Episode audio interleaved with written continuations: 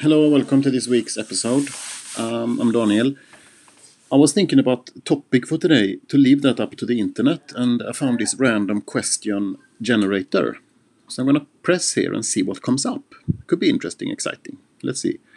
Okay. Hmm. Tell me about the Causeway Islands. Causeway Islands. Causeway, what can that be? I wonder if they mean what in Spanish is called Islas Calzada de Amador. If, you know, the, the four small islands by the Pacific entrance to Panama Canal that are linked to the mainland via causeway made from rock ex extracted during the um, excavation of the Panama Canal. Sorry, I was saw something funny here. Um, I wonder if that one, if it is the one, I mean, that they built to serve as a breakwater for, for the entrance.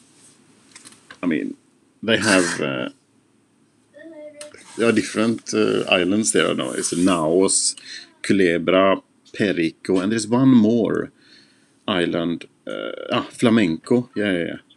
I wonder if they if if if they wonder about that one. Well, I, then uh, since I guess it is, then I can say that yeah, it's uh, the Causeway Islands there are uh, close to the Panama Canal there, and, and Panama Canal uh, is uh, yeah, it's uh, it's in Panama basically, connecting there to the Atlantic Ocean, Pacific Ocean. Nothing nothing special with that. I can say that it's. Um, uh, causeway, by the way, that is a track or road or railway um, where, um, yeah,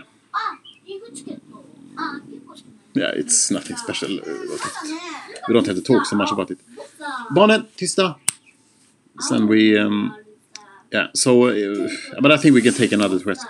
But no, what I want to talk about is more that there are these things.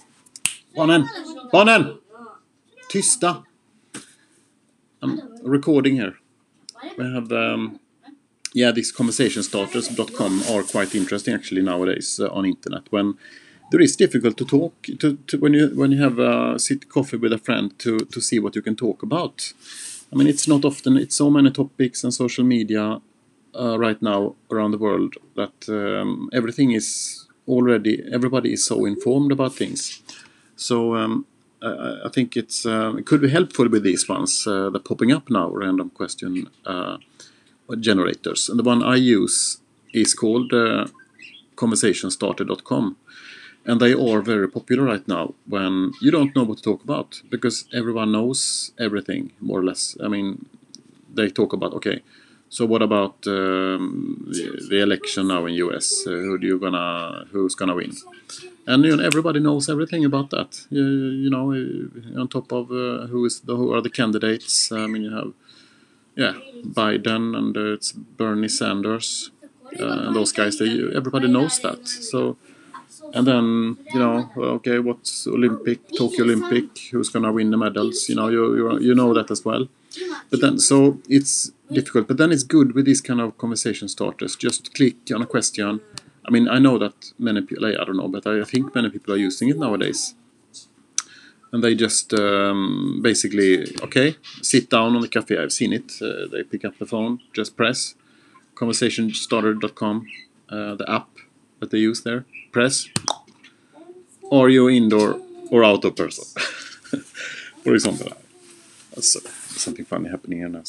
Yeah, but are you an indoor or outdoor person, for example? Then they can talk about that more on a personal level rather than talk about um, politics. Or okay, they talk about that. Are you an indoor person? One say yes. That is one say no. I'm outdoor. Next one. What motivates you? Yeah, one person say yeah. Well, motivates me. It's uh, yeah, depending on what you're gonna do. Uh, if I'm hungry, then motivation is to eat.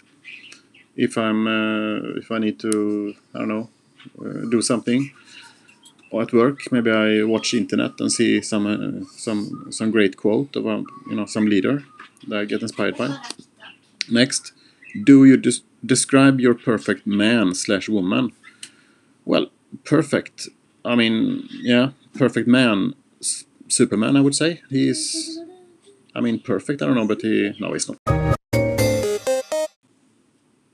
Mm.